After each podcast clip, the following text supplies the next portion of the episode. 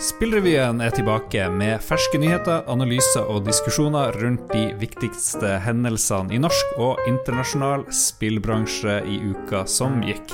Mitt navn er Lars Rikard Olsen, og jeg har som vanlig med meg min kompanjong Jon Cato Lorentzen. Hvordan gikk det på 17. mai? Vi tar opp det her på kvelden 17. mai gått uh, bra. Bra og rolig 17. mai. Uh, kost meg, spist osv. Vi snakker som vanlig kun om spillnyheter og hva som har skjedd. Vi driter i alt det andre. Vi begynner rett på at eh, Microsofts første visning av spill til den kommende Xbox-konsollen fikk en meget lunken mottakelse fra spillfans. Jubelen sto derimot i taket sist uke da Epic demonstrerte hva neste versjon av deres spillmotor Unreal Engine kan prestere på en PlayStation 5. En live demonstrasjon av et fiktivt Tomb Raider-aktig spill satt til noe ørkenhula viste imponerende detaljnivå når det gjelder 3D-objekter, teksturer, lyssetting, lyd og omgivelser. Og skal man dømme etter responsen på nettet, så er både utviklere og spillere imponert over hva Unreal Engine 5 kan få til. Og vi så begge to denne presentasjonen. og det er kanskje ikke så mange vet, eh, som ikke jobber i spillbransjen, det er jo hva Unreal Engine er, og hvorfor det skaper entusiasme rundt omkring. Tidligere på 80-tallet, 90-tallet, så måtte du liksom lage din egen spillmotor, eh, som da ble din verktøykasse for å lage spill videre. Og så måtte man oppdatere denne spillmotoren hele tida når eh, maskiner kom, nye konsoller kommer, eller hardware utvikler seg. Så det var et veldig kostbar prosess etter hvert som grafikk ble mer og mer avansert, og systemer ble mer og mer komplisert, å ha sin egen spillmotor. Eh, og, og, da begynte det å komme sånne tredjepartsløsninger. Eh, Criterion som er kjent for burnout-spillene og sånn, de hadde jo et sånn verktøy som blant annet ble brukt i de første Grand Theft Auto-spillene.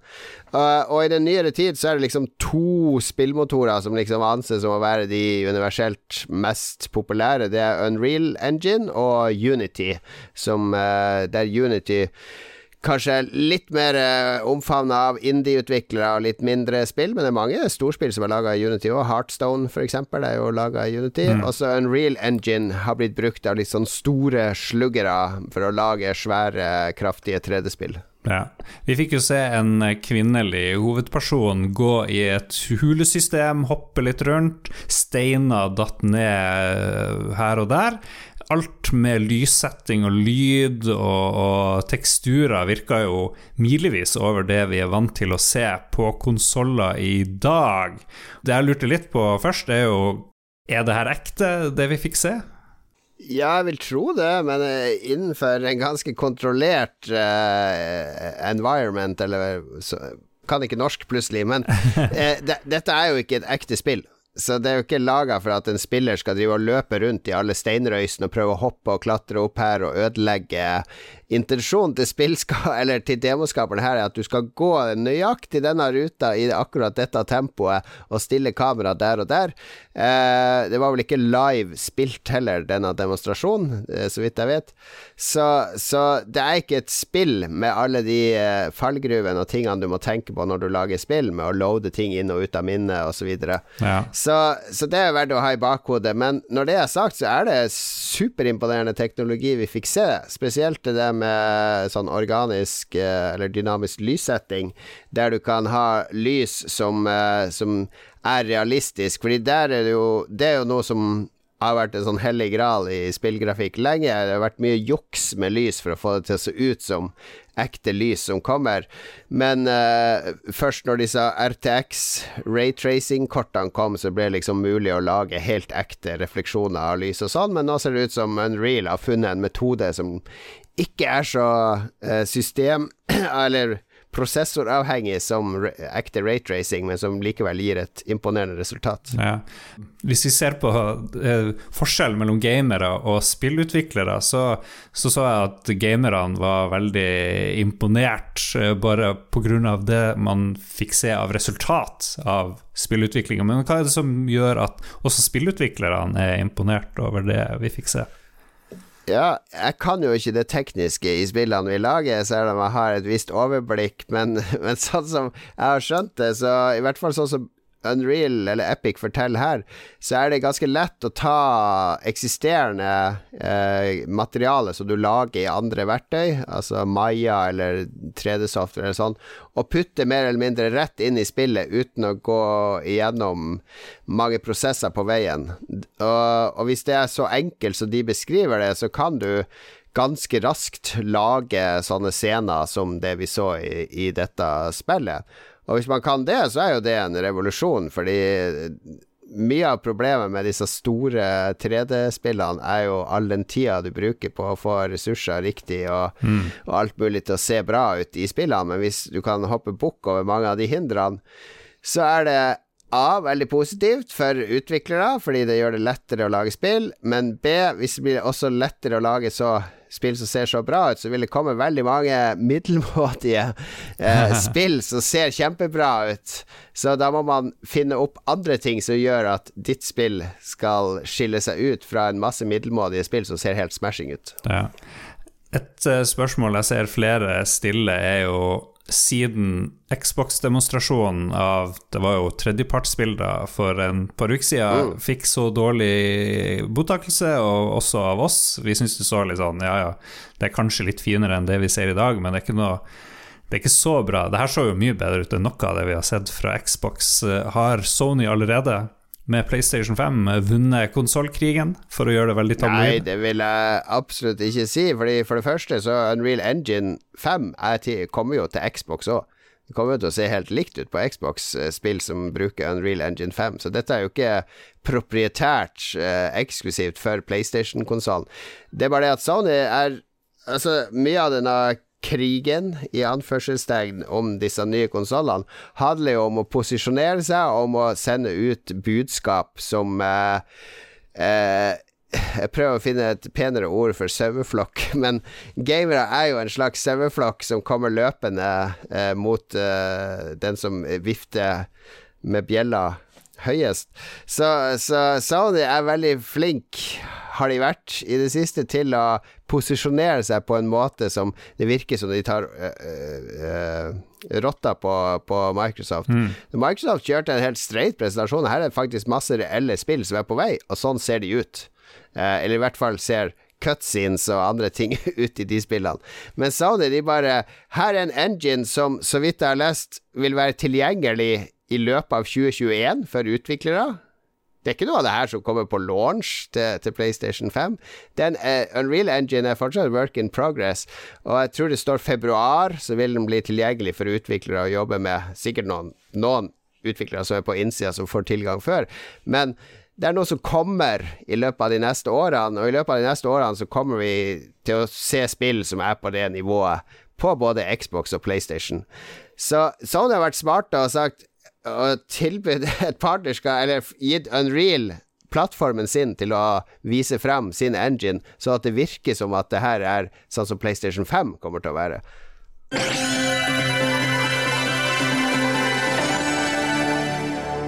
Skateboardspillene er på vei tilbake. Activision kunngjorde i forrige uke at en samlepakke med oppussa versjoner av de første to Tony Hawk-spillene kommer i september. Samtidig tyder mye på at Electronic Arts vekker til live Skate-serien igjen med et mobilspill. Eh, Jon Cato, du har en teori på hva som gjør at skatespillene er på vei tilbake? Ja, min teori er at uh, norske Agens, som har Skate City på Apple Arcade, det spillet har blitt så populært at det har inspirert EA og Activision til å vekke i, til live disse gamle spillene. Nei, det var, det, var, det var en spøkefull teori, da. jo, jo. Nei, men det, det, det var jo, det er jo veldig bra spill, eh, Skate City, så hvem vet? Men det har jo vært lenge et ønske fra gamere om å få tilbake de her skateboardspillene som veldig mange likte. Men eh, ok, og nå får de det. De får de to første Tony Hawk-spillene. Er det noe å rope hurra for, egentlig? Det er litt sånn både òg, fordi det er jo spill Det er jo ren sånn nostalgigreie. Her kommer de gamle spillene med ny grafikk og den samme gamle musikken, og du kan gjenoppleve den artige skateopplevelsen du hadde som 13-åring på 90-tallet. Eh, mens det de egentlig burde gjøre, spør du meg, da, er jo å lage et helt nytt Tony Hawk-spill. Men de har jo ikke klart å lage et Tony Hawk-spill som funker på mange år, og de, de kasta inn håndkleet etter hvert, så jeg vet ikke. Det er jeg, jeg, spiller så å si aldri disse gjenutgivelsene av gamle spill i oppussa utgave. Jeg vet ikke hvor engasjert du er i de. Nei, jeg er ikke det, men uh, det kan jo være at uh, gjenutgivelsen av gamle Tony Hawk-spill er, er, en liten test. Uh, hvis det er utover det normale av oppmerksomhet og salg av de, så kan man jo tenke at Activision tenker at ok, vi, vi lager noe nytt òg. Eller sjansen er kanskje større, da. Ja. Nei, det kan, det kan, Jeg har ikke noen sterke meninger ene eller andre veien. Jeg er en av de få som ikke var så stor fan av de gamle Tony Hawk-spillene, så jeg er ikke så engasjert. Men skatespillene likte jeg veldig godt. Og jeg ble jo litt skuffa da jeg hørte at nå, nå, skal vi lage nytt skatespill, og så er det liksom en uh, mobilversjon av Skate 3 det er snakk om fra Electronic Arts. ja, ja. Men eh, da tror de vel ikke at eh, markedet er stort nok til å lage et sånn kjempesvært nytt skatespill som vil kreve mye mer ressurser enn et eh, litt mer beskjedent mobilspill. Det er, det er, helt fair å si, men uh, jeg tror det er mulig å utvikle et nytt spill i Skate-serien, altså Skate 4, uten at du skal tape penger på det. Problemet er at du skal ha en kalkyle som gjør at du skal uh, hente inn 4, 5, 10, 20 ganger av det det koster å utvikle det.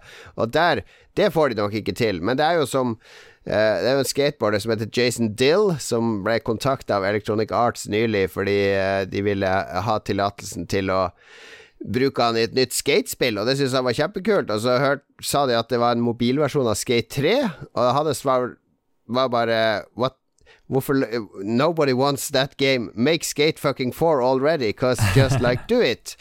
Og som han argumenterte med der, helt vakkert sagt uh, You can't level it up to the same numbers you get on other games. You do it for a cultural thing that pays you back later. Som er så vakkert sagt, fordi du, du gjør ikke det her for å tjene mest mulig penger, du gjør det for å lage et viktig kulturuttrykk som folk kommer til å elske deg for i mange år fremover.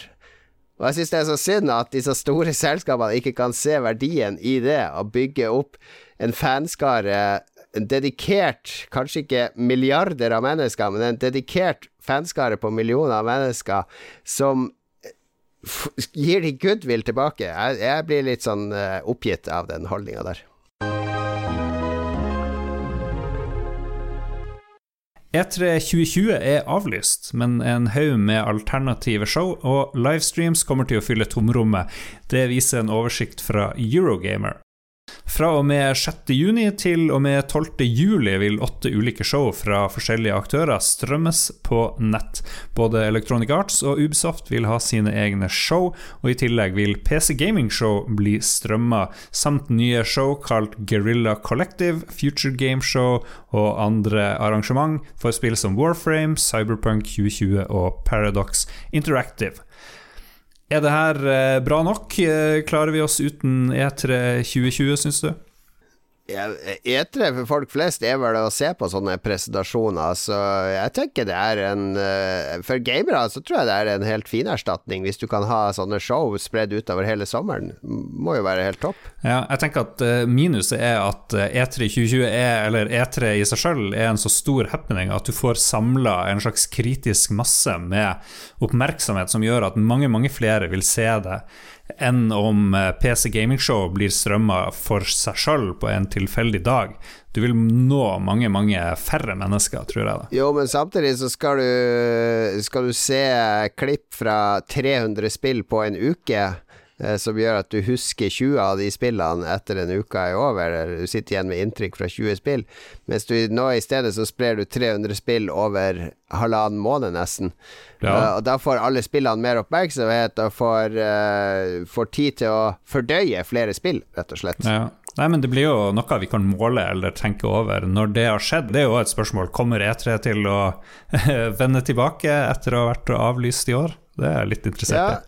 Det, det, som er ulempen med det her, for nå snakker vi jo bare fra et forbrukerperspektiv, altså vi som liker å spille spill, mm. eh, at det er positivt. Men det er jo ganske negativt for de som lager spill, eller jobber i ulike, innen ulike områder i spillbransjen, som er avhengig av å møte andre og være til stede i sosiale settings der man kommer i kontakt med andre og får utveksla informasjon og blir kjent og får tilbudt sine tjenester på kryss og tvers til hverandre, møte folk som vil finansiere spillet ditt, eller oversette spillet ditt, eller jobbe med deg med voice acting osv. Så, videre. så du, den møteplassen for bransjen, den forsvinner jo, og det er, det er den store ulempa her. Ja. Hva vi kan forvente av de her showene? Nintendo Direct var vel de første sånne ordentlige showene hvor de hadde ganske heftig production value, hvor de står i mm. proffe studio og klipper sammen både det ene og det andre. Jeg er jo litt spent på hvor, hvor bra de her uh,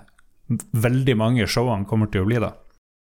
Det er jo Altså, Nintendo har jo alltid prøvd å ta eierskap over budskapet rundt sine egne spill, og det gjorde de jo på 80-tallet òg, med bladet Nintendo Power, som var et superpopulært spillblad i USA. Du være, hvis du var medlem av Nintendo-klubben, så fikk du et sånn i anførselstegn redaksjonelt magasin i måned, hver eh, i, i postkassen hver måned, som anmeldte de nyeste spillene til Nintendo og promoterte alt som Nintendo gjorde, skrevet av Nintendo sjøl eh, som var ganske eh, forutseende av Nintendo, fordi nå i dag så tar jo alle selskap også eierskap over budskapet med hva bedrifter gjør.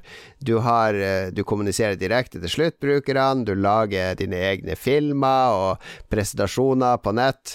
Eh, du er ikke lenger avhengig av å gå om pressen for å kommunisere, og det er jo det disse showene er. Nintendo Direct er jo det. Nintendo har bare funnet ut at vi en halv time annenhver måned, så viser vi hva som kommer, og så kan pressen hoppe på og, og skrive om det hvis de har lyst, i stedet for å be pressen være så stille og skrive om det. Og disse showene kopierer jo det. Alle, alle spilleutgivere nå har jo eierskap over budskapet ut. Så jeg tror, jeg tror at det, vi blir bare å se mer og mer av det. Ja, spørsmålet er om de minste utgiverne kan gjøre det samme som Nintendo Direct, at de har ressurser til å presentere det her. Eller eventuelt mindre spillskapere som gir ut sine spill direkte uten, uten omveier via andre. Nei, man har jo ikke det, selvfølgelig. Altså, de små kjemper jo om å bli inkludert i show som PC Gaming Show eller Guerrilla Collective, som også skal ha masse indiespill med seg. Så det, det, er ikke, det, er jo ikke, lett for de små utviklerne eller self-published developers å, å, være med på, på dette rottereiset her. Ja. På andre enden av skalaen så har vi Microsoft og Sony, og vi har ikke hørt noe om noe større show derfra. Nå driver jo de og skal lansere Xbox, eh, nye Xbox-maskiner og nye PlayStation-maskiner, så jeg tipper de må jo gjøre noe heftig. men at de, at de, ser en stor fordel i å ikke komme akkurat samtidig med alle andre, det er jeg ganske sikker på. Ja, Microsoft har vel allerede snakka om at de skal ha noe sånn månedlig eh, show fremover med ulik fokus hver gang. Der det blant annet i juli skal de ha ett show om sine egne spill til Xbox. Så, så de er jo absolutt på ballen. Og Sony kommer nok også til å kommunisere fast selv om de ikke har uh, satt opp noe program fremover. Og så har du i tillegg sånn som Jeff Keeley, som vi har snakka om før, som har sånn so sommerspillshow som skal gå over hele sommeren med gjester. Der tror jeg jo både Sony og Microsoft kommer til å dukke opp i en eller annen form. Så ja, det, det, blir nok Nok spillshow, tror jeg, i løpet av sommeren. jeg både blir å savne de her showene, men så husker jeg også at vi og andre gamere Vi elsker jo å klage over det som blir presentert. Vi syns jo at det er litt keitete, det er litt tilgjort eh, osv.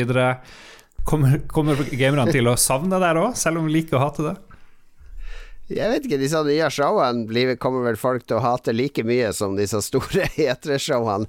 Det er noe sånn der uh, selvdestruktivt i disse gamerne som sitter og ser disse showene, er at de er jo stort sett aldri fornøyd. Jeg kan huske et par sånne Sony-show på E3 der folk har vært litt sånn overvelda på slutten, men da har det jo også blitt lova luftslott av dimensjoner som, som kanskje ikke alltid har blitt innfridd. Så jeg tror uh, disse showene er Det er jo som Oscar og sånne andre typer ting, der man stort sett sitter og klager over, mm. over alt man syns er pinlig og flaut og, og, og, kjipt. Men det betyr kanskje at man, man er, har en lidenskap for, for det som presenteres.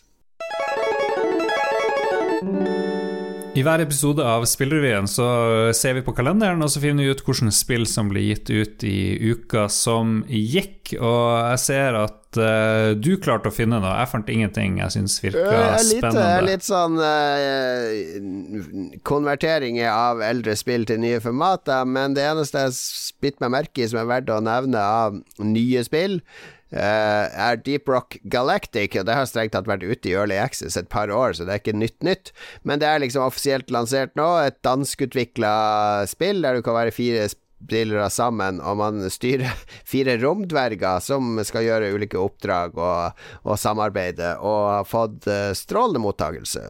Ja, jeg ser det er førsteperson, og så går du rundt med en hakke og kan grave rundt, sånn sett, eller du har litt sånn større driller, og du kan bore. Ja, det... Fire ulike klasser, så man må liksom hjelpe hverandre for å komme opp og frem. Det, det er noe greier der med gamere som liker å manipulere omgivelsene sine og lage sine egne huler og ganger. og finne, Du finner jo gull, eller du finner jo andre ting der nede. Så det minner jo litt det er jo kanskje litt inspirert av Minecraft eh, på et eller annet vis, men jeg syns det så veldig bra ut, de her trailerne. Sammenlignes eh, Det blir beskrevet som en blanding av Minecraft og Left for Dead, så hvis det appellerer til deg, så bør det absolutt være verdt å sjekke ut. Det var det vi hadde av Spillrevyen i, akkurat i dag, men fredag så kommer en spesialepisode vi lager sammen med Viken Filmsenter, hvor vi i en serie av fem spesialepisoder ser på norske spillutviklere og hvordan de har takla koronautfordringen. Og første episode, hvem er det som er der, Jon Cato? Ja, da er det meg som skal under loopen. ja, vi tok opp jeg tror det var en 50 minutt som vi skal klippe ned til eh, et eller annet spennende. Det kom veldig mye morsomt fram på hvordan eh, dere har eh, klart å jobbe rundt alle de mange begrensningene som eh, pandemien har skapt. Vi i Krillbite, altså. Det har vært en uh, spennende tid. Det kan du høre mer om på fredag.